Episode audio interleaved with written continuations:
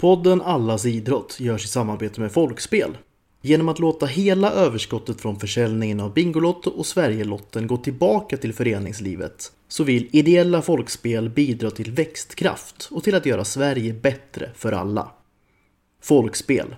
Allt överskott till Sveriges föreningar. Du lyssnar på podden Allas idrott där jag, Kristina Rickardsson, prata med några av våra mest kända idrottsprofiler om de olika förutsättningarna som finns för den som sysslar med sport. Kan alla i Sverige verkligen delta aktivt på lika villkor? Vilka får vara med och vilka hamnar utanför? Idag träffar jag Pia Sundhage, en av svensk fotbolls största, som inte bara haft stora framgångar på fotbollsplanen med bland annat fyra SM-guld med Jitex och spel i italienska Lazio, utan även utanför planen där hon tagit två OS-guld som förbundskapten för USA, varit förbundskapten för Kina och Sverige och just nu har samma roll i det brasilianska landslaget. Vi ses i Rio de Janeiro där vi pratar om jämställdhet och om hennes egna erfarenheter av att känna sig motarbetad. Men också om skillnaden mellan hennes olika tränaruppdrag. Hur beskriver Pia själv känslan av att numera vara förbundskapten för Brasilien? Det är stort. Eh, jag som har, uppvuxen med fotboll så, och själv förknippar eh, Brasilien med fotboll. Jag har hamnat helt rätt. Mm. Eh, jag kallade mig själv Pelé när jag var liten. Nämligen tyckte att jag var bäst i hela världen. Sex år gammal eller vad det var. Helt underbart. och, nej, så det här är ju något alldeles spännande och den största utmaningen någonsin ska jag säga. Det är det. Mm. Tänker du då, är det, menar du då både kulturmässigt och jobbmässigt eller är det någon av dem som sticker ut mer? Uh, nej, jag eh, skulle nog säga att det är jobbmässigt för det här hör ju ihop kultur. För om jag ska nå de här spelarna och vi ska prestera ihop så finns det ju saker och ting som den svenska spelaren har i ryggsäcken som jag vet om eh, mycket bättre än den brasilianska.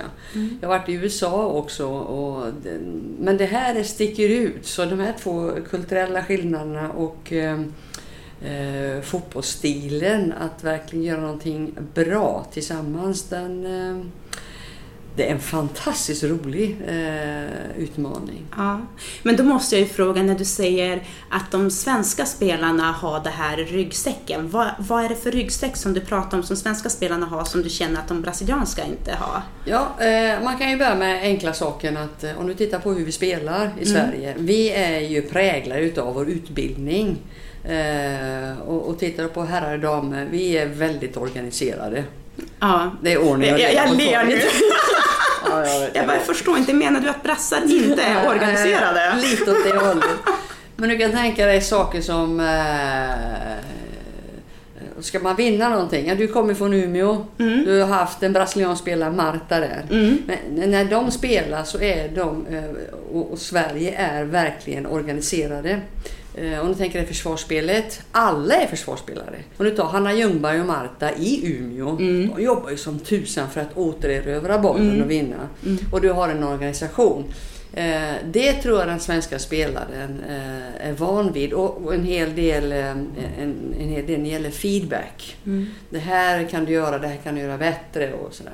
Men lite mer så teamkänsla nästan, alltså att det inte blir lika mycket individuellt. Att man, ja. man jobbar uppåt och man jobbar neråt och man hjälps åt. Ja, lite grann så. Ja. Alltså, vi har ju den här, vi gör det tillsammans. Brasilianska spelare, hon gör ju något. Alltså, ta Marta, hon gör, har gjort massa fantastiska saker. Det blir som är så härligt då, den här individuella, det här extra. Mm. Eh, det framkommer mycket oftare här i en fotbollsmatch. Mm. Eh, och vi har faktiskt valt ett eh, ord som popcorn time. Och det är när brasilianare inte jobbar tillbaka. Den, då har vi bara flabbat lite grann med humorns hjälp. Nej, men hon kollar väl en, en video eller en film någonstans och käkar popcorn istället för att försvara sig då. Va? Men säger ni då pipoca-ora? Ja, eller? Nej, vi säger popcorn. Popcorn, ja. No popcorn time. Så lite engelska och lite ja, sådär. Men den, den, det är ju charmigt och väldigt viktigt för vi vill ju att en spelare ska sticka ut. Vi vill ju eh, att en spelare ska göra det här lilla extra. Mm. Men för att kunna göra det, du måste ha lite organisation så man ser att just där sticker hon ut. Men man måste också vara lojal mot, vi har pratat spelidé och sådär då. Eh, det, det är många, det är svårt att beskriva faktiskt skillnaden. Jag känner den väldigt väl och Ja. jag är så väl medveten om att eh, det gäller för mig att eh, nå spelarna och då måste jag också förstå spelarna. Ja, men jag tänker så här att det är ju jag själv adopterades ju från Brasilien till Sverige när jag var åtta år. Så jag vet ju vilken gigantisk kultur, alltså skillnad det är mellan Brasilien och Sverige. Och den är ju svår ibland att förklara. För jag har ju också åkt till USA. Jag vet inte hur du upplever, men jag upplever ju inte att det är lika stor skillnad mellan kulturen, även om fast den är stor, mellan Sverige och USA, så är du inte i närheten av Brasilien och Sverige. Nej, jag håller med där. där är, eh, och sen fotboll. Du, du har ju dels, du pratar kultur, Mm. men du har fotbollsspelaren också. Och så tänk, fundera på vad har den amerikanska fotbollsspelaren upplevt tidigare? Är Winning formula, eh, så att säga. Ja. Eh, Den brasilianska fotbollsspelaren, inte ens Marta, har ju vunnit ett VM eller OS. Nej. Eh, Så det finns många saker som präglar fotbollsspelaren. Så jag håller med. eh, Det, eh, Men, men det är ju därför du är här, för att ändra på det va? Så att Marta Ja. innan hon lägger skorna på hyllan ska få det där OS-guldet va? Det var ju den lilla saken. Ja. Det var Precis. den, Ja. hur känns pressen kring det? För jag menar det här landet kan ju vara väldigt fotbolls... Eller vi vet att det är väldigt fotbollsstort gitarr. Ja, Det spännande är att eh, när jag kom till USA så ett av de första sakerna de sa att, eh, var eh, eh, phrase I see gold. Ja. Så eh, folk som hade eh, ja, från- förbundet, för här ska det vinnas. De hade ju bara vunnit VM-brons 2007. Så OS-guldet, det skulle, skulle man fixa 2008. Ja. Jag känner inte samma sak här. Det är det som är så spännande. Det har spelats ett antal eh, finaler Ja. med, med Marta i spetsen, men de har inte vunnit. Men det verkar vara, ja det är en del eh, naturligtvis, men framför allt att det ska ändras på attityden. Så jag har fått ett, ett, en, en god press när det gäller att vinna nästa match Ja. eh, ta nästa medalj. Men också att vara, en delak, att vara delaktig när det blir förändring med attityd. Ja. Och nu tänker C- CBF då, fotbollförbundet har ju för första gången valt en utländsk eh, person att vara förbundskapten. En kvinna, det är visserligen för andra gången då. Mm. Eh, och har nu skaffat två chefer eh, som är två kvinnor. Ja. Två före detta fotbollsspelare. Så det, jag känner, när jag, när jag berättar, nu känner jag ganska till och med i magen. Det händer saker och ting med damfotbollen här i Brasilien. Ja. Om det inte blir OS-guld, nej, men det kommer att bli något guld down the line. ja, det är på gång. För att man har en, håller på att ändra attityden till tjejer spelar fotboll, kort Ja. kort. Men det tycker jag ju då också är jätteintressant för jag som reser då mellan Brasilien och Sverige upplever ju att Sverige är ju otroligt mycket mer jämställt, eh, även om vi har en hel del att jobba på såklart på hemmaplan, än vad det är här i, i Brasilien.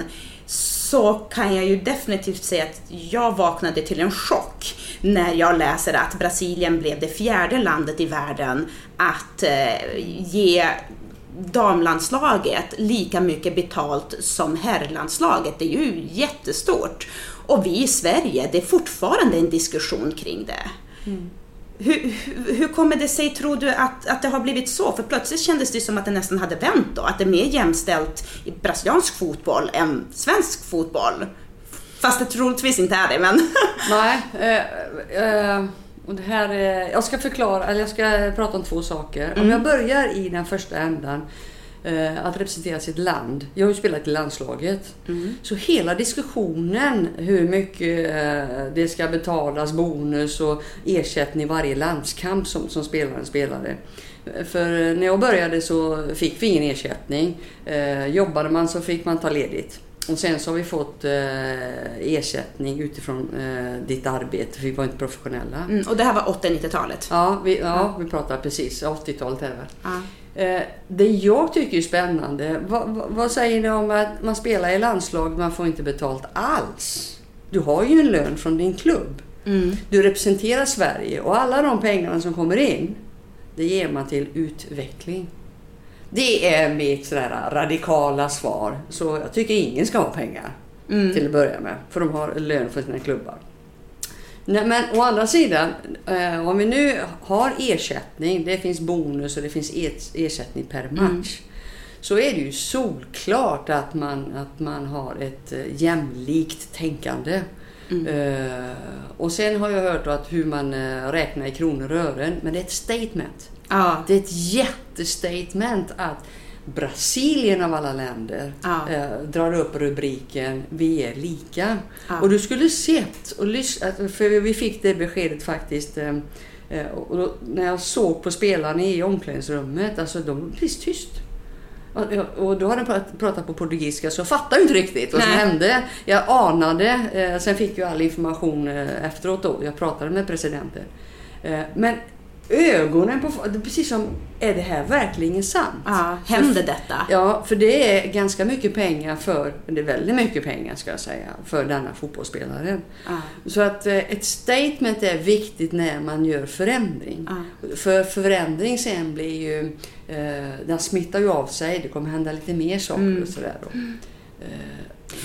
Och jag tänker mig så att det, det, du syftar på, eh, nu ska jag inte lägga ord i din mun, men spontant är det de tankarna som kommer för mig när du säger det, det är ju att det smittar ju av sig på allt i samhället. Ja. Ja, det är det viktigaste egentligen.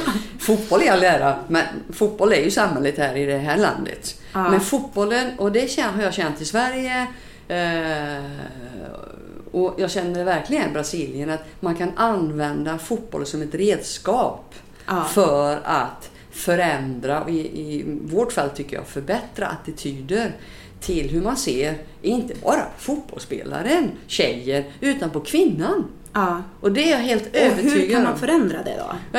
Det börjar med statement och sen så att man respekterar. Eh, det finns ju så många saker. Du kan ta Sverige, lönen till exempel. Mm. Gudrun Schyman tror jag flera gånger talar om att vi har inte, kvinnor har inte samma lön som, som män och vi ligger efter. Alltså det finns ju gång efter annan. Mm. Och det här är en del, en liten pusselbit för att det ska, det ska bli jämlikt. Mm. Och det var som någon sa att lite mer jämställt. Nej, antingen är det jämställt eller så är det inte jämställt. Ja, det finns inte... Du kan inte ha både och. Nej, nej äta så kakan och ha den. Ja. Så att, eh, jag tror att eh, de här förebilderna som, som kommer med eh, om du tar Marta till exempel, hon är ju väldigt stor. Mm. Eh, och om som liten tjej och se att den där stora tjejen som blivit kvinna kan spela fotboll. Mm det, jag hade, mina idoler var ju inte en tjej, det var Pelé, Cruyff och Beckenbauer. Det var det här, alltså jag tyckte det var så skönt att du går in på det, för att när vi träffas nu innan vi började podden så sa jag det att jag blir ju sällan eh, starstruck, men jag är ju ja, man får inte kanske svära, men jag är förbaskat nära när jag träffade ja, dig Pia. Det tycker jag är väldigt eh, roligt. Ja. Nej men för när jag kom, då, det fanns ju inte några många kvinnliga fotbollsspelare och, och, som var kända och som kämpade på, alltså på det sättet som du gjorde. Du var ju grym. Och du är ju grym fortfarande ju, på alla sätt och vis. Och för, för en som, som mig då, som var mörkhyad, kom mm. till en liten by där alla typ var vita, mm. var, stack ju ut redan med utseendet, sen stack jag ut med beteendet för jag hade en annan kultur. Och tyckte mer om att umgås och slåss med killarna och, och, ja, jag var mer pojkig helt enkelt. Och passade ju inte in. Då kunde jag ju titta på Pia. Pia mm. körde, gjorde sin grej. Och det, det då kunde ju jag ändå så här för jag håller med dig, för mina idoler var ju också så här, men Carlos, det var eh, eh, Ronaldo, alla de, det var ju manliga, men så fanns Pia. Ja, du ser. Ja. Och nu finns eh, väldigt många eh, tjejer, eh, mycket tack vare alla dessa VM som varit och EM som har varit. Mm. Och eh, framförallt nu 2019 mm. eh, när de sociala medier också har boostat. Kolla det här är bra, det här är spännande, det här är roligt, det är underhållning. Men jag tänker så här att det, som du säger, det är viktigt för unga tjejer som växer upp att kunna titta inom allt, inte bara fotboll, men att kunna titta inom varje yrke eh, och se att det finns kvinnor som representerar. Men jag tänker så här, tror du att Tror du att det är viktigt också att unga pojkar som växer upp ser tjejer i alla de här Absolut. Alltså, vi vinner allihopa. Det är, mm. det som, eh, det är ju som en förändring. Det är ju inte lätt. Alltså. Om man vill förändring lätt, men om man är lite tveksam. Men om du förstår att du är en vinnare mm. så kommer alltså den här pojken, den här mannen, den här gubben att se att det här är bra. Det här är mm. bra för samhället och ett, ett hälsosamt samhälle, där vill jag bo. Mm. Om jag har pen, stora penseldrag då. Och en del utav detta är ju faktiskt damfotbollen. Mm. Så att eh, det här med att eh, ha statement och jag själv har känt, eh, jag tror drivet det är ju inte bara två gånger 45 minuter. Nej. Eh, det är så mycket mer. Och sen så känner jag också och jag har hamnat i sådana diskussioner att eh, det jag och vi gör nu, det är framförallt för nästa generation mm. och nästa generation. Mm. Så det är bara att titta på en spelare idag. Hon, hon är tjej, hon kan spela i, i väldigt många olika länder och mm. vara professionell. Så var det inte på min tid. Nej, jag, du... drog, jag drog iväg till eh, Rom, spelade för eh, Lazio eh, ett år. Eh, jag kom inte hem med några pengar. Eh, men jag fick chansen att vara, känna mig lite professionell. Men, det men du banade väl vägen också, för om, inte, om jag inte har missuppfattat det här helt. Du var väl första alltså, alltså, ja. utlandsproffs, ja, kvinnliga utlandsproffs. Ja, så, så kan man, det, det har varit någon som har spelat Och någon måste ju vara den första, jag tänker så här att, att vara först, för du var ju först på väldigt mycket. Pia. Och jag tänker så att vara först, det krävs ju dels otroligt mycket mod i en värld där man kanske inte är lika accepterad. Men samtidigt så tänker jag så här att det måste ju också, eller jag tänker mig att det är lite ensamt också och att det finns mycket man har fått kämpa mot. Ja, jag ja. Du var, du var, nej, nu ler jag. Om man ska plocka upp eh, saker och ting som går Du vart nästan lite tårögd Så nej, då, då, då kan vi sitta här flera timmar. Men, eh, jag ska uttrycka mig så här. Eh, och det var så med det här jobbet också. Jag sa ja. Och sen funderade jag på vad, sa vad har jag sagt ja till? Eh, eftersom förr i tiden så fick jag aldrig frågan. Och nu har jag fått frågan till och med med förbundskapten, först assisterande förbundskapten i Kina mm. med Marika Nomansko Lyfors. Och Helena Andersson var med på ett hörn där som fys. Och sen hamnar jag i USA. Jag bara skriker i telefon ja. uh, är det ett ja tyckte han där på andra sidan. Uh, sen börjar jag fundera och då tänker jag så här. Uh, ja, ja. det var faktiskt min syster som sa det. Att om du åker från Trygg... För jag är väldigt mycket Sverige i mig. Mm. Jag är en sån här trygg person, gärna hemma. Men jag har fladdrat. Och då säger syrran så här, ja det flyget som tar dig till Los Angeles, om det inte går bra så är det bara att flyga tillbaka. Och då får jag ner axlarna och så får jag hålla på med min kära fotboll. Eh, och det är just den här berömda bollen som har eh, slått sönder massa fönsterrutor. Men det har också slått sönder en hel del fördomar. Mm. Eh, och den ger mig trygghet. Du pratade om mod. Mm. Ja, ja, eh, det, en ledare tror jag... jag... Jag vill gärna tycka och tro att jag är modig. Och då krävs det naturligtvis trygghet och den kommer från förr och familj. Du, det är från familj och från förr, mm. säger du? Mm. Jag tänker säga att du, du, du, är definitivt modig. Du har tagit dig an det brasilianska. Ja, nej, så, det, det, är faktiskt så. Mo, modig, det är nog det minsta man kan säga om Pia Sundhage. ja. Jag vet inte om det, det, det kanske att jag läser av fel, att du kanske inte vill prata om det, men jag, jag tänker fråga i alla fall. Alltså den här kampen ändå, för den intresserar i alla fall mig väldigt mycket. Som du måste ha fört någonstans, här, att vara en kvinna, för som du att vara en kvinna som, som lever i en värld eh, som är fotbollen då, som är så präglad av män. Mm. du, du, måste ju ha stött på en hel del. Har du känt den här lilla gumman och det ena och det andra? Och hur har du då i sådana fall tacklat det? Och vad skulle ditt tips vara till andra att tackla mm. det? Vare sig man är man eller kvinna, bara man mm. stöter på det här beteendet. Uh, ja, det är klart jag har känt det där. Men jag är dålig på att lyssna för att jag är så, jag är så intresserad av fotboll. Jag är, jag är hängiven fotbollen. Mm. Och då finns det ingenting som kan stoppa mig. Sen är jag väldigt medveten om att jag kan inte...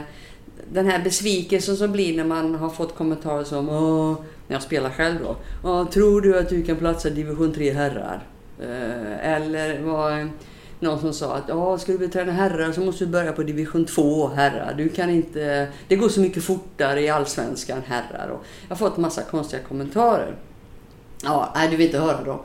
Men eh, det där, det, det gör ju ont. Mm. Eh, absolut. Men det, och det här är ju viktigt då. Jag har inte klarat av det här själv.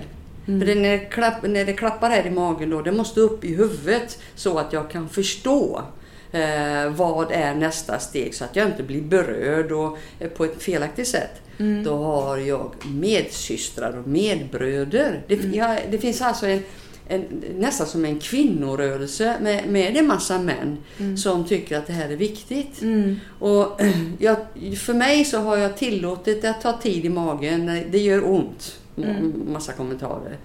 Men jag vet också att genom den här tunneln, det blir ljus där borta. Och det finns folk som, som pushar på så att vi tillsammans tar oss igenom det här mörkret kan man säga. Mm. Så eh, jag är uppvuxen med ordet solidaritet nämligen. Mm. Och eh, vi, är sex, vi är sex barn i familjen och då hjälps vi åt. Mm. Och just det här ordet att hjälpas åt, mm. eh, att hjälpa det, det, det, betyder väldigt, väldigt mycket för man ska åstadkomma saker och ting. Mm. Eh, och just det här motståndet som är. Jag har funnit, eh, man hittar vägar, hoppar över hindret, man går under hindret, man eh, svänger förbi. Eller, det finns vägar. Mm. Men jag har inte klarat av, jag är inte ensam. Nej. Ensam är bara ensam, that's it. Ja. Utan, men tillsammans med andra. Och, för mig har det varit viktigt att ha en vän som jag kan snacka skit med. Mm. Alltså vara riktigt sådär, få ur med allting. Och sen mm. kommer förståndet tillbaka. Inte bara prata, för det blir bara mycket snack i liten verkstad. Vad ska göras? Mm. Och i det hänseendet så, så behöver jag, jag tror att jag behöver vara hängiven och ha tålamod. Eh, pappa lärde mig tålamod eh, och det är jag väldigt tacksam för. Mm. Ja, otroligt. Du säger att det har gjort ont också. Mm. Eh, har det funnits någon stund där du har känt att, vet du, jag fixar inte det här längre? Det är en kort... En, alltså, för, och det, det, kan jag säga att eh, det ska vara svårt. Det är ungefär som Abby Warnberg sa. Om, om det är lätt att vinna ett OS-guld, då kan alla göra det. Det ska vara svårt. Mm. Så det är liksom en mission. Mm. Det ska vara besvärligt. Och vem ska lösa det? Jo, det ska vi. Mm. Men det har, funnits, eh, det har funnits stunder där jag har blivit beskylld för konstiga saker och framförallt eh, eh, jag vill ju gärna se mig själv som en ambassadör. En, en, en förebild för, för fotbollsspelare och för ja, kvinnor i allmänhet. Att, Eh, ja, på tal om solidaritet, hjälpas åt och, och sådana här saker. Eh, men när, man, eh, om man inte kan, när inte jag kan försvara mig, mm. då någon gång har jag sagt, nej men nu skiter jag i det här. Nu eh, gör något annat. Men något annat blev ju en boll. Det är, den har bara rullat vidare någonstans. Så den måste jag ju liksom hämta. Va? Så mm. Fotbollen är, jag är ju präglad utav lagandan inom fotbollen. Mm. Och eh, skulle jag bara säga nu skiter jag det här, då, då tror inte jag att jag skulle vara glad. Nej. Eh, men, men nyckeln till allt det här är ju att eh, jag har någon att luta mig emot. Mm. Och just när man blir utnyttjad eller om man får en, en oförtjänt kritik och det blir något rykte som blir tokigt. Det känns väldigt ont. Mm. Sen är det helt... Jag ska berätta en annan sak med, eh, med press under till exempel 2013 EM som var så fantastiskt. Ja. Då lärde min syrra mig. Inga liksom sa så här, för det kommer massa frågor och eh, vi utsätts ju för kritik och ska utsättas för negativ kritik. Då sa hon så här. Du, hon sa två saker. För det första ska du inte ta dig själv på så stort allvar. Så axlarna åkte ner. Ja, ja, ja. För det andra så, så behöver du inte försvara dig inför press. För de har inte hela bilden. Men du ska försöka förklara dig. Och de två sakerna med pressen gjorde ju att nej men det var ju jätteroligt att träffa alla de här eh, olika journalister. Eh, och jag och Lili Persson vi stod och, och jag kände så här, här är bra för damfotboll. Jag måste hitta ett ännu bättre svar för då kommer jag få en ännu bättre fråga, Ja. följdfråga. För vi är ju två. Eh, vi kan göra varandra bra i intervjun. Ja. Det är som du och jag sitter här nu. Nu är jag lite fired up här. Och det är faktiskt nu. tar all din tid. Nej men, nej, men det är precis det, så här det ska vara som gör att eh, och jag gör det i damfotbollens namn och i solidaritetens namn och i samhällets namn. Och, äh, ja, det, det blir, det blir ja, jag vill gärna att det ska bli bra.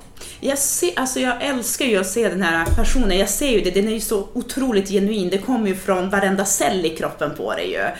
Och då tänker jag så här, men alltså Pia, om man skulle ta bort fotbollen ifrån dig. Om man skulle, ja, du, nu kommer så här lilla, lilla, du vet, man brukar säga man har ängel på ena sidan och lilla djävulen på andra. Så nu kommer djävulen fram. Om du inte skulle få hålla på med fotboll överhuvudtaget, vad hade Pia gjort då? Vad hade du gjort då? Då har jag blivit lärare. Inom? Eh, ja, det vet jag inte. Eh, jag har blivit lärare i, i någonting. Eh, och eh, numera på senare tid så hade jag sysslat med att lära mig att rida. Aha, varför, För- varför just det? Ja, för jag har två systrar som rider och min lilla syster lär mig rida nu. Mm. Eh, och jag har blivit helt fascinerad. Jag tycker om djur så. Men jag har blivit helt fascinerad av hur man lär sig saker och ting. Ja. Eh, Det blir misstag. Det är okej. Det, det blir de här som jag har sagt. Det är okej att göra misstag.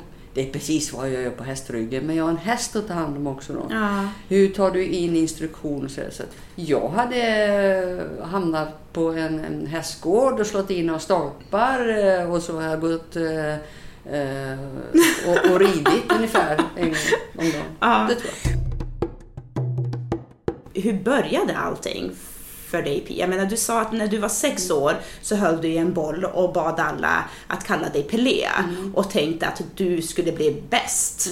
Det är ju ganska mycket självförtroende och själv för en, för en sex... Tycker du? Jo, det är helt underbart, jag älskar det. Fråga mina syskon vad de tycker om det där. När jag står framför spegeln och tycker att jag är bäst. Men vad skulle de svara? Eh, nej, de bara skakar på huvudet. Eh, jag faktiskt eh, berättade min bror när jag står framför spegeln och jag tränar segergester. Jag tror att det är en fem sex år eller någonting. Och då står jag i kortbyxor. Eh, vita kortbyxor. Och jag tycker att jag är bäst. Mm. Eh, och det jag tilläts. Folk bara skakar på huvudet. Och det, det som är bra med min familj är att de har tagit ner mig på jorden. Min pappa sa så här, båda fötterna på jorden. Hel och ren, hade ganska mycket humor.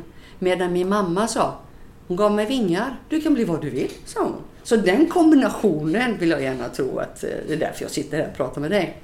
Men det började med i Marbäck där eh, jag tyckte om att sparka bollen istället för hysta den, kasta den som alla tjejer gjorde. Mm.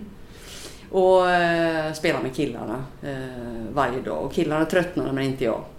Eh, så det var där det började. Och sen så på tal om Pelé eh, så fick ju inte jag spela riktiga matcher med domare eftersom det fanns ingen flickfotboll på den tiden. Vi pratar alltså 66, Ja. 67.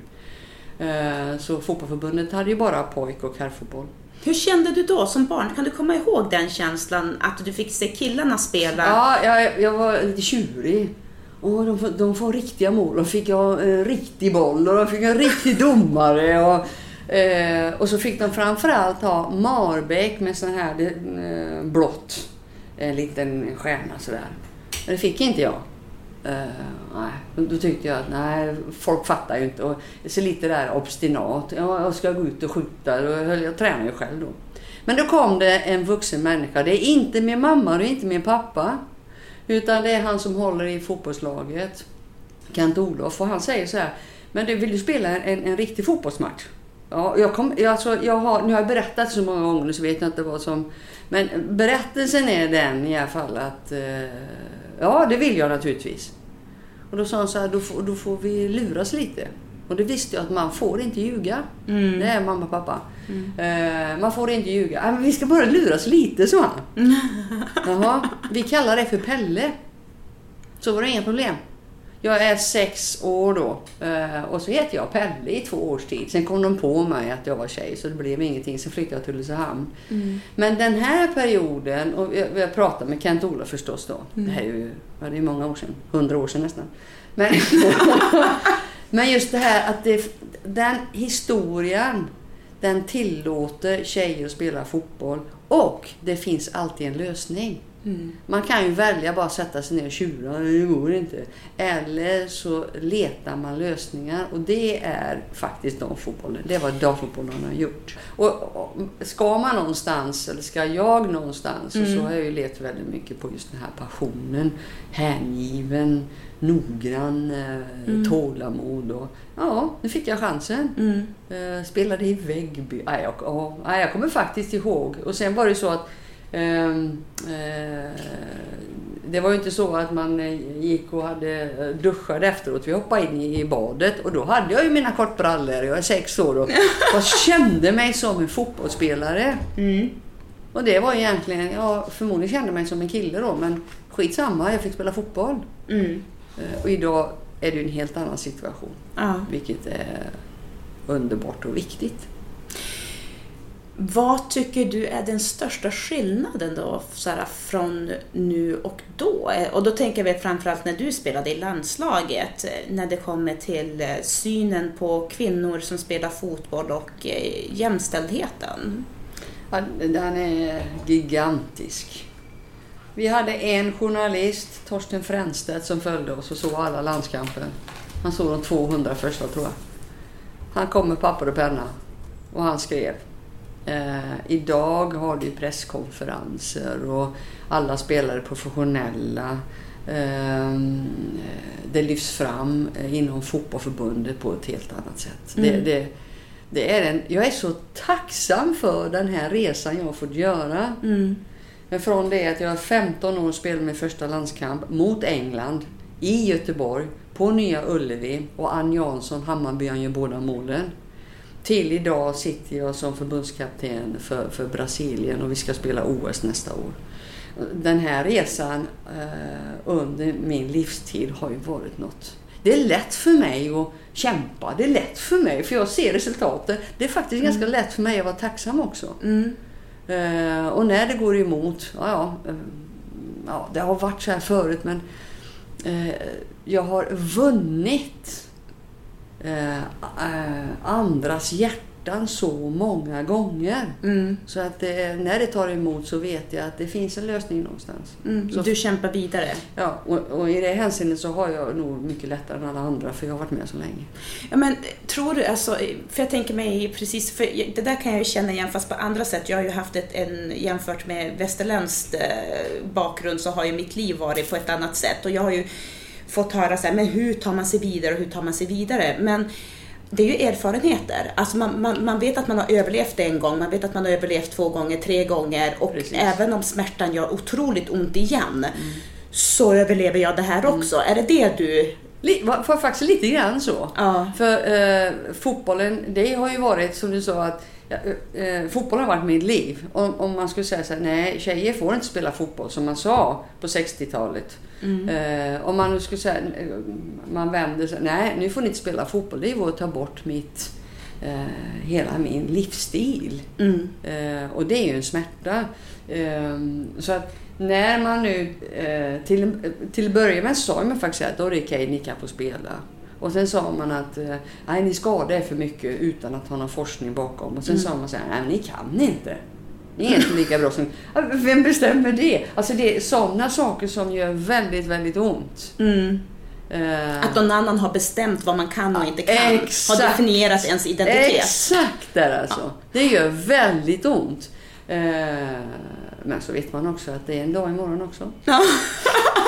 Det går. Ja. Och då tänker jag så här, i ditt jobb, precis som du säger, du har ju hunnit uppleva så otroligt mycket. Från Kina till eh, USA, svenska landslaget och nu Brasilien. Men det är ju otroligt, det är bara här är det ju fyra kulturer och jag vet att du har upplevt fler än så också. Eh, och då blir jag ju som lite nyfiken, vad, vad, är den största skillnaden mellan att coacha de här, eh, o, de här kvinnliga fotbollsspelarna i de olika länderna? Ja, eh, det är en spännande fråga och det är skillnader. Eh, jag skulle vilja först säga att det är väldigt mycket likheter. Mm. För mm. fotbollsspelet har två mål. Det finns en riktning, vi ska göra det tillsammans. Mm. Det spelar liksom ingen roll om du är kines, amerikan eller svensk. Fast jag såg en, en sån här bild. Ja, du har ju, alltså jag säger inte att du har fel, för du har ju rätt såklart här. det är inte det. Men, jag, för att komma in med lite humor här då, men, sådär, som kanske inte alls är roligt överhuvudtaget. Men jag, jag minns när jag var yngre så såg jag en sån här bild på hur man förklarade. Så här spelar tyskar fotboll och då var det så här, målvakt eh, back, mittfältare, forward, in i mål. Den gick en rak linje. Mm. Och så var det italienare, då såg man bara en röd plop och så sen alla andra spelare runt den röda ploppen. Ja men då stod de ju där och bad om, alltså domaren då, då var de runt domaren. okay. Och så sen så såg man typ den, det brasilianska, då, var, då gick ju bollen från mål till back till forward, tillbaka till målvakt, fram och så gick den gick ju bara runt, runt, runt typ väldans herrans mm. innan det gick i mål. Mm. Så jag tänker så här, är det verkligen så enkelt ändå? Ja, det är en ganska, ganska slående bild faktiskt, för naturligtvis är det skillnad på själva spelet. Ja. Och förutom det att det är skillnad på själva spelet, så är det också skillnad på hur man eh, hanterar eh, ledarskapet. Mm. Och, eh, det är väl Kierkegaard som säger det att om du ska nå en människa, föra henne mot ett bestämt mål. Mm då måste du finna henne där hon är. Något i den stilen. Jag tycker det är ganska bra. Mm. Uh, och det innebär att jag måste ju försöka uh, fundera på hur, når, hur kan jag inspirera Marta? Nu har hon varit på alla, det var ett dåligt exempel. Debinia. Mm. Nu är hon i USA. Eller uh, Loana som nu har hamnat i, i Paris. Mm. Då, då, skillnaden är alltså, i, i, upplever jag, Eh, kinesiska spelare är väldigt tekniska mm. och de gör som de blir tillsagda. Mm. Det, det, känns väldigt inom kulturen för Kina, ja, eller? De, de, de står i vakt och de uh, gör sina övningar och uh, där, där upplevde jag, nu var ju inte jag huvudtränare, men jag upplevde ändå med Marika att de försöker verkligen följa spelidén och nästan bokstavligen. Mm. där, och där var ju språket svårt för att vi kunde inte uttala deras namn en gång. Det var ju väldigt roligt. Oj, ja. här stod, jag skulle dela upp dem. Jag eh, hade gjort övningar. Jag skulle dela upp dem i fyra grupper. De bara skrattade åt mig. Jag, varenda, varenda namn var fel. Och väldigt vänliga. Så. Men där har du, eh, du har en hierarki där såklart. Mm. Men du har också en hierarki i USA. Eh, däremot så här finns det ju en, en, en, en, tror jag, ett självförtroende, en trygghet i det fysiska delen. Här i Brasilien? Ja, nej, i Eller USA. USA. USA. Ja. Den amerikanska fotbollsspelaren har vunnit så väldigt mycket. Mm. Så hon har någonting som heter grit. Ja, ja. Eh, det är bara... Eh, alltså, fundera över ordet grit, vad det egentligen betyder. Eh, det är inte bara work hard. Jag, jag ser man är trägen, är det inte lite sådär man är? Det, ja, du, är, eh, du prövar och prövar och hittar ja. eh, ett sätt. Eh, och i fotbollsspelet kan det ju vara att du kliver in i en närkamp och du verkligen försöker. Det finns någonting speciellt ja. inombords då. Och det är klart att de har vunnit så mycket så de ser sig själva som vinnare. Och det har ju väldigt mycket med självförtroende att göra för att kunna vara ditt bästa. Mm. Att kunna vara det bästa i Kina handlar nog ganska mycket om, och nu är det lite hemsnickrat här, du följer eh, eh, spelidén, du gör som chefen säger eh, och utnyttjar din teknik och så, men jag vet inte hur mycket eh, spontanitet. Mm. I USA så, eh, så följer du eh, det här självförtroendet. Vi kommer vinna. Det, mm. vi, det är 0-0. Vi kommer vinna. Och jag har själv varit med om det. Mm. 2011 mot Brasilien Var? i kvartsfinal, ja. VM. Där vi gör mål och det är Abby Wånberg i mål i 122 minuten. Mm, jag kommer ihåg det här. Det är ju helt galet. Men det är en annan historia. Mm. Men, och då har du självförtroende. Så den svenska spelaren och den amerikanska spelaren var högljudd. Go for it! Det är lite klyschor och sådär. Mm. Eh, ja, hur når jag en sån spelare? Jämför dem med en svensk spelare som behöver en eh, det här, hon, eh, hon kan sin fotboll. Ja. Eh, bra fysik numera eh, och välorganiserad. Ja. Och eh, ställer... Men så finns det en kultur av att lagom bakom kanske, eller? Känner man av den där svenska? Nej, det kan jag Nej. faktiskt inte säga Nelly. Gud vad skönt att höra. Eh, Ja. ja, eh, lagom i, i samhället, det gillar jag. Ja. Det är lite så, men i fotbollsspelet så kan jag inte säga. Däremot så skulle en svensk spelare kunna ta ut sig lite mer än, eh, för jag har sett det i USA. Mm. Eh, Så det finns lite till att gå på, men eh, när den svenska spelaren kommunicerar, jag tycker att hon kan sin fotboll, hon är smart.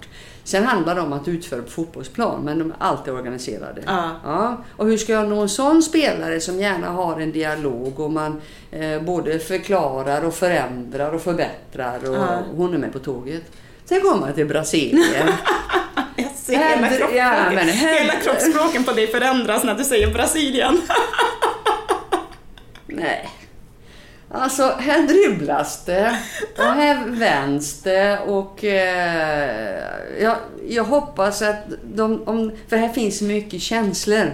Ja, det är passionerat land. här är, jag har ju pratat mycket om eh, passion för fotboll. Jag har ju kommit helt rätt. Okej, så det här vill jag naturligtvis förstärka och behålla. Men problemet är det.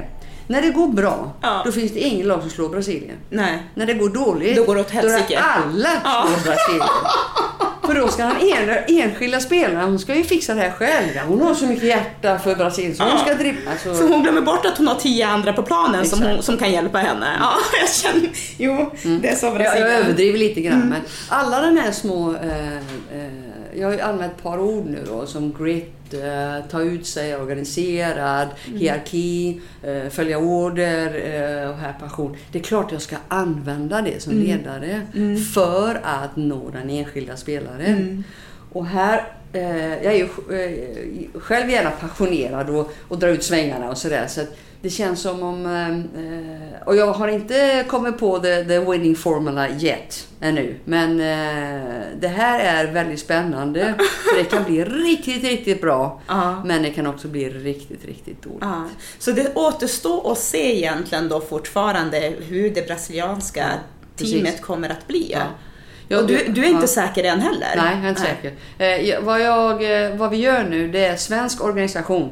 Mm. Vi VM-brons. Det är ju fantastiskt. Mm. Eh, och sen så ska vi ha lite amerikansk attityd, grit. Två VM-guld mm, och OS. Mm. Eh, och sen så ska vi eh, se till att den här passionen riktas åt rätt håll.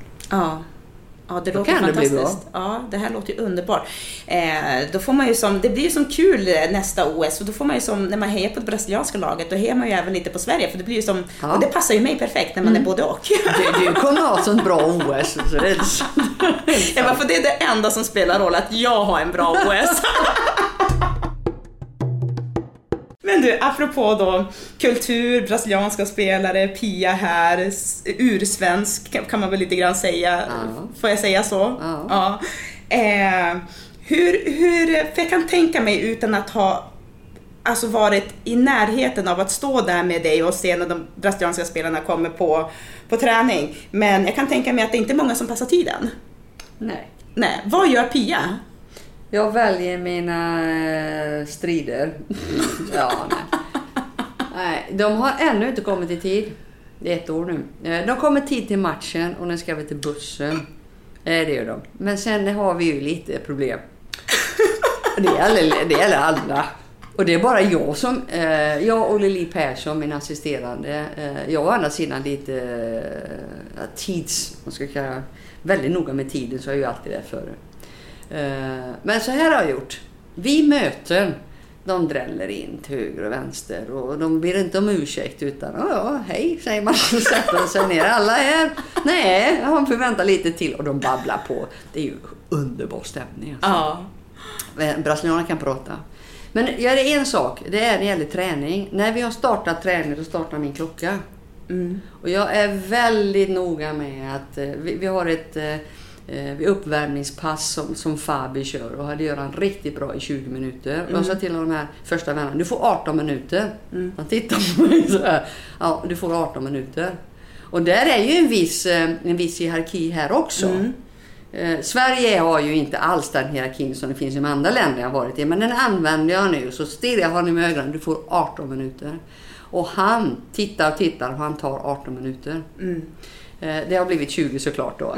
Eh, Där är nog, och sen så mellan eh, övningarna, för som spelare så jag har den bakgrunden att vi hade 90 minuter, sen kommer ett annat lag Ja. när man är i Stockholm till Ja. exempel. Ja. Så då måste du Ja, använda... men, man har ju bokat ju. Ja, du vet, skulle du stå och babbla iväg massa, du, då kan du inte träna. Nej. Det stressade mig jättemycket när, när jag var i Stockholm. Så nu så ser jag till att mellan en träning till en annan, eller en eh, övning till en annan, då tar det lite tid. Man dricker Ja. och man tjatar och man delar in lag. Vi har redan delat in dem. De har blivit jättebra. De har det. Ja, jättebra. Så när eh, första träningen hade gått till 90 minuter, klappat och klart, så är det en spelare som tittar. Men alltså, är vi redan färdiga? Ja, då är vi till 90 minuter. De är vana vid att det drar ut på tiden och Ja. att, att schemat inte stämmer. Så jag bara, men den här gången stämmer det. Ja. Men de kommer fortfarande inte i tid till träningen? Nej, det gör de inte så. Nej. Men de kommer till matchen i alla fall? Ja, det kommer till matchen. Ja, Ja. ja det är ju underbart. Så vi har, eh, och det är ju, om vi, det står två timmar eh, träning och sen, eh, ja då vet jag, nu ska det bli 95 minuter. Och då blir det 95. Ja. Där, där, på tal om att välja mina strider, det där är jag stenhård. Mm. Och då, då kan jag till och med peka ut en ledare, eh, fasta situationer. Du får 10 minuter och så går det över 12 minuter. Då busvisslar jag bara, mitt i allting. Tiden är ute. Alltså, ja, nästan Ja. eh, ja, både obekvämt och nästan oförskämt. Och Ja. nästan dum. Ja. Men eh, vad drömmer du om framåt då? Jag tänker, du har ju redan åstadkommit så mycket. Vad drömmer du om framåt, från där du står nu? Jag drömmer om eh, det som händer efter ett, eh, ett, ett lyckat mästerskap. Och där man får dela. Det hade ju eh, varit fantastiskt om Brasilien och alla länder i hela världen står överst på pallen, kommer hem till eh, folket eh, och talar om att ja, den här fotbollsspelaren, tjejen är bäst i hela världen. Ja. Det, är- och, och det, det, det, det, den stunden, det är som en eh, festival, som en karneval. Mm. Eh, Och att den då eh, får ringa på vattnet. Mm. Man pratar om det här. Eh, Mm. Får jag vara lite fräck och säga så här. ehm, skulle det kunna kännas som en liten slap in the face på Bolsonaro att Brasilien tar, eh, tar eh, OS-guld och kommer hem till Brasilien och blir firad, damerna blir firade? Eh, Det är ju många som skulle få slap in the face. Faktiskt. Ja. Om det skedde. Eh, För det som det bästa med hela Ringa på vattnet uppmärksamheten är just att du ser en tjej med en boll på högsta nivå och lyckas. Mm. Det ger så många bra bilder för barn, både pojkar och flickor. Ja. Det kan förändra en hel nation. Ja, jag tror faktiskt det. Eh, fotbollen är ju... Eh, jag tittar på TV här, det är ju bara fotboll på en kanal. Och de, det, det är eh, expertkommentatorer, de pratar och pratar och pratar. Alltså det betyder ju väldigt mycket. Mm. Det. Jag håller verkligen tummarna för att, ehm, för att du lyckas med, med det. Både för att jag älskar fotboll och det vore fantastiskt att få se Brasilien och Martas, eh, som också var i Umeå då, där jag, där jag är ifrån, att, eh, att få ta guld. Men också för de här ringarna. Det är så viktigt. det är så viktigt. Men Pia, här i Brasilien då, jag är ju lite nyfiken. Som sagt, gigantisk kulturskillnad. Alltså har du någon sån här historia som bara, nej men det här var jättekonstigt när du, när du kom hit? Eh, ja, det är många sådana här. Vad som är konstigt är att det inte blir som man säger. Man kan börja den änden. Okej, berätta. Ja, alltså eh, vi ska titta på en lägenhet. Och det ska vi göra idag, men det händer ju inte idag. Utan eh, helt plötsligt så åker vi någon annanstans Eh, och så ska vi äta middag med eh, någon viktig person. Alltså, det, eh, de säger inte jag vet inte och de säger inte nej. Nej. Det, Det, blir någonting annat. De lägger, så blir det någonting annat och då hänger jag bara på. ja. Ehm, Så med andra ord så tar du allting med en nypa salt eh, Ja. lite grann eller? Ja, och sen har du det här eh, eh, presskonferenser till exempel. Den, eh, helt plötsligt så, så skjuts den upp en halvtimme och ingen vet varför. Alla, jag vet inte varför, jag bara hänger på. Ja. Ehm, Men hur känns det för dig? Blir det frustrerande? För jag tänker så här, vi i Sverige, vi är ju ändå väldigt så här, man håller tiderna. Man, har man sagt att man ska göra någonting så gör man det. Det ingår i våran kultur. Kultur, det, ja, ja. men det är så vi, vi uppfostrar våra barn och det lär vi oss i skolan. Hur blir det för dig när du är här och du upplever att det är ju totalt annorlunda? Det är motsatt, motsatsen. Ja, jag kan säga när vi sitter i vårt eh, coachingrum. Eh, vi är, vi är sex personer. Va? Händer absolut ingenting. Eh, jag tycker det är jättespännande. Och jag tänkte på det när jag gick, åkte hem sen då. Vad har jag gjort idag? Nej, ingenting. Det har pratats om att vi ska göra. Ehm, det är ord som ehm, ja, vi måste göra detta as soon as possible. Eh, Ja, och det hände inte idag, hände inte igår. Men hela, hela det, jag har ju lärt mig det nu. I början var jag väldigt frustrerad. Mm. Och jag stressad eh, rent av. Eh, och så jag frågade, vad gjorde ni, alltså ni gjorde innan jag kom hit? Och Ja. jag får inga svar. Nej. Men alltså, det, det, men vad gjorde du eh, med, med de siffrorna? Ja. Och det är ju inte, eh, det är inte klockrena svar. Nej. Men eh, och vad jag gör då, då, jag sätter dem i arbete. Jag förväntar mig att det där är det där när det gäller, vi har ju till exempel en, en fantastisk grabb Capelli när det gäller GPS. Han eh, har massa, och massa data. Så, jo, men vad gjorde ni med de där data? Får jag egentligen inget bra svar. Men okej, nu ska vi göra så här med den datan. Nu gör du så. Där har jag hjälp av hierarkin kan Ja. jag säga. För jag behöver, i det fallet, nu gör du det här och det ska vara klart där. Då vet jag att det är klart någon gång lite senare. Eh, det är ju inte så, eh, och nu börjar de faktiskt ta egna initiativ, vilket jag tycker är helt fantastiskt. Vi har tänkt att vi skulle lite försiktigt, ja säger jag, jag gör vågen. Så att de ska känna, eh, det, är precis, det är precis det jag Ja. önskar. Ja, man frågar om eh, också, man frågar om eh, spelarens ålder. Ja, 25. Eh, är hon bara 25? Nej, hon är 26 kanske. Eh, eller 27. Jo, men hur gammal är hon? Nej.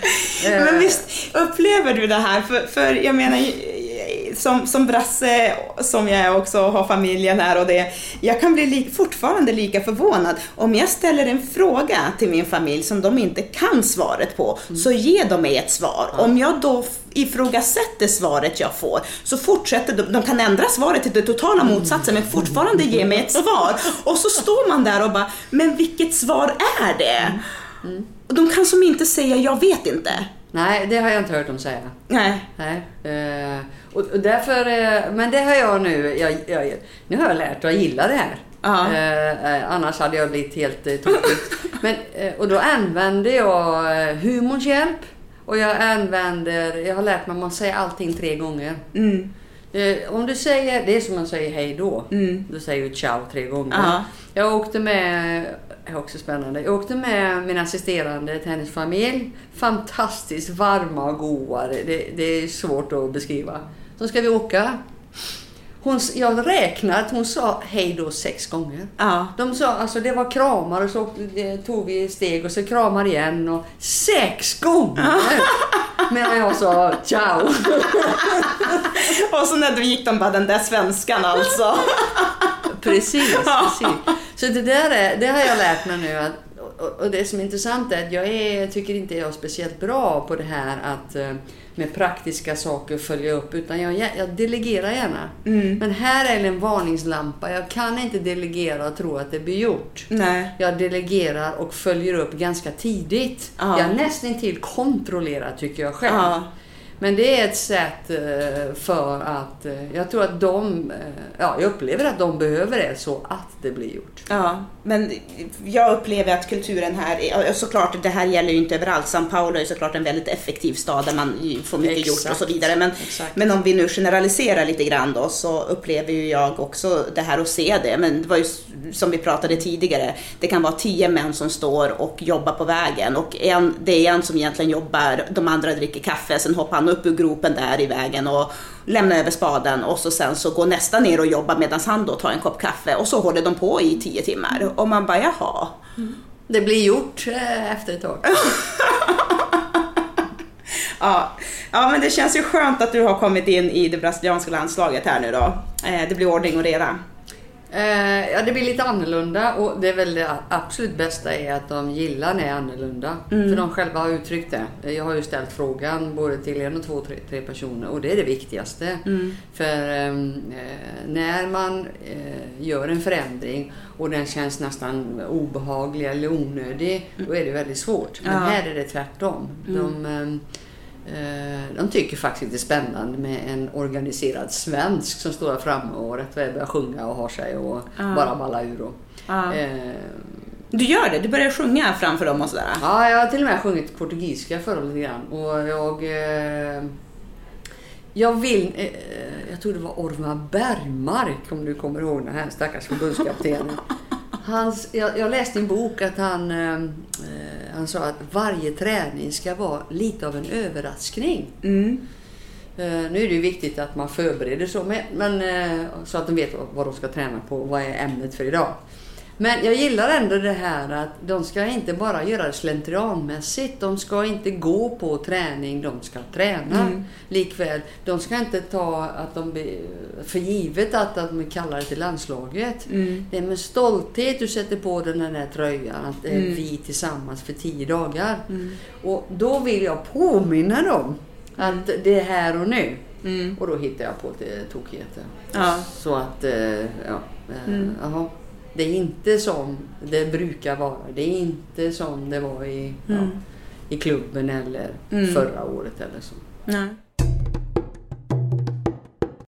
Men jag tänkte så här, avslutningsvis så tänkte jag ställa eh, två frågor till dig.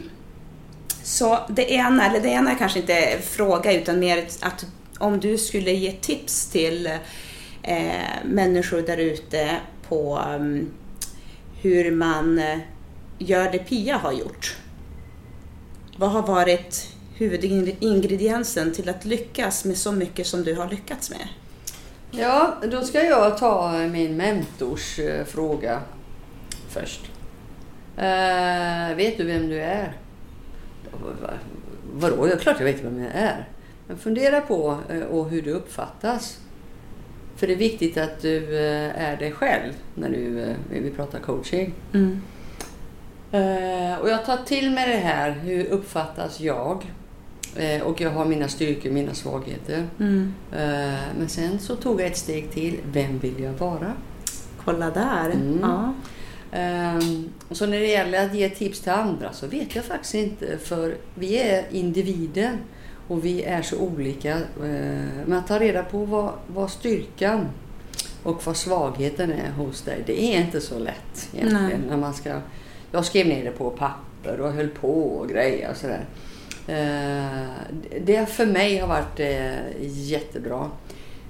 Det som också varit bra för mig är att jag har bejakat saker och ting. Mm. Jag har sagt ja och då krävs det såväl trygghet som mod. Mm. Eh, Det är bra att måla upp. Ja, tänk om det går åt helvete.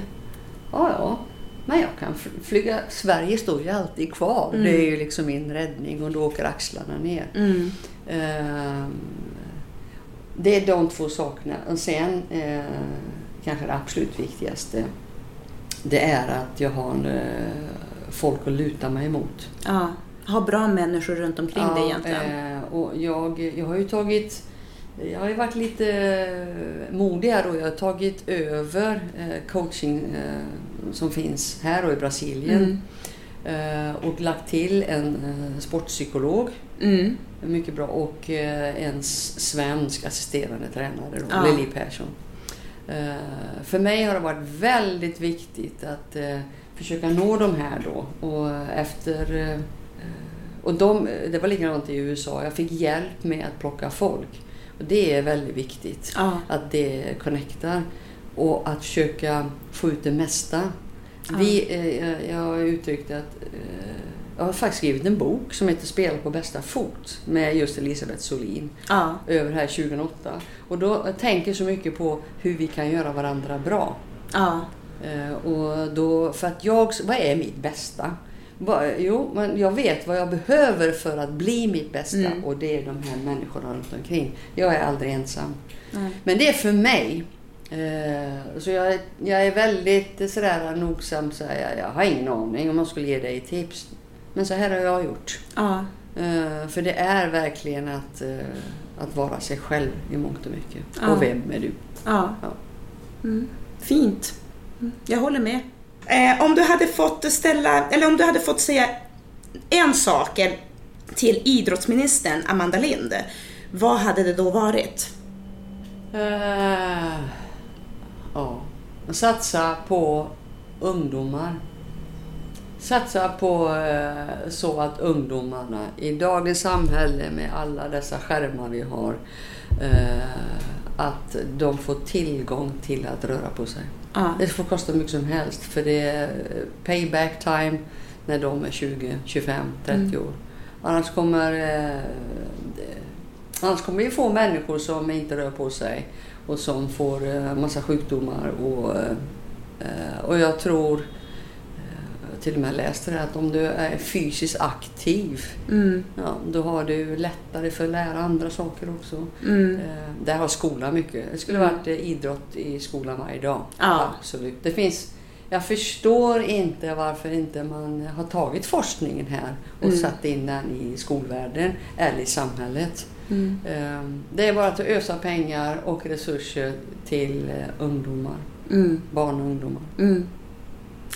Tack så hemskt mycket Pia. Muito obrigada. De nada.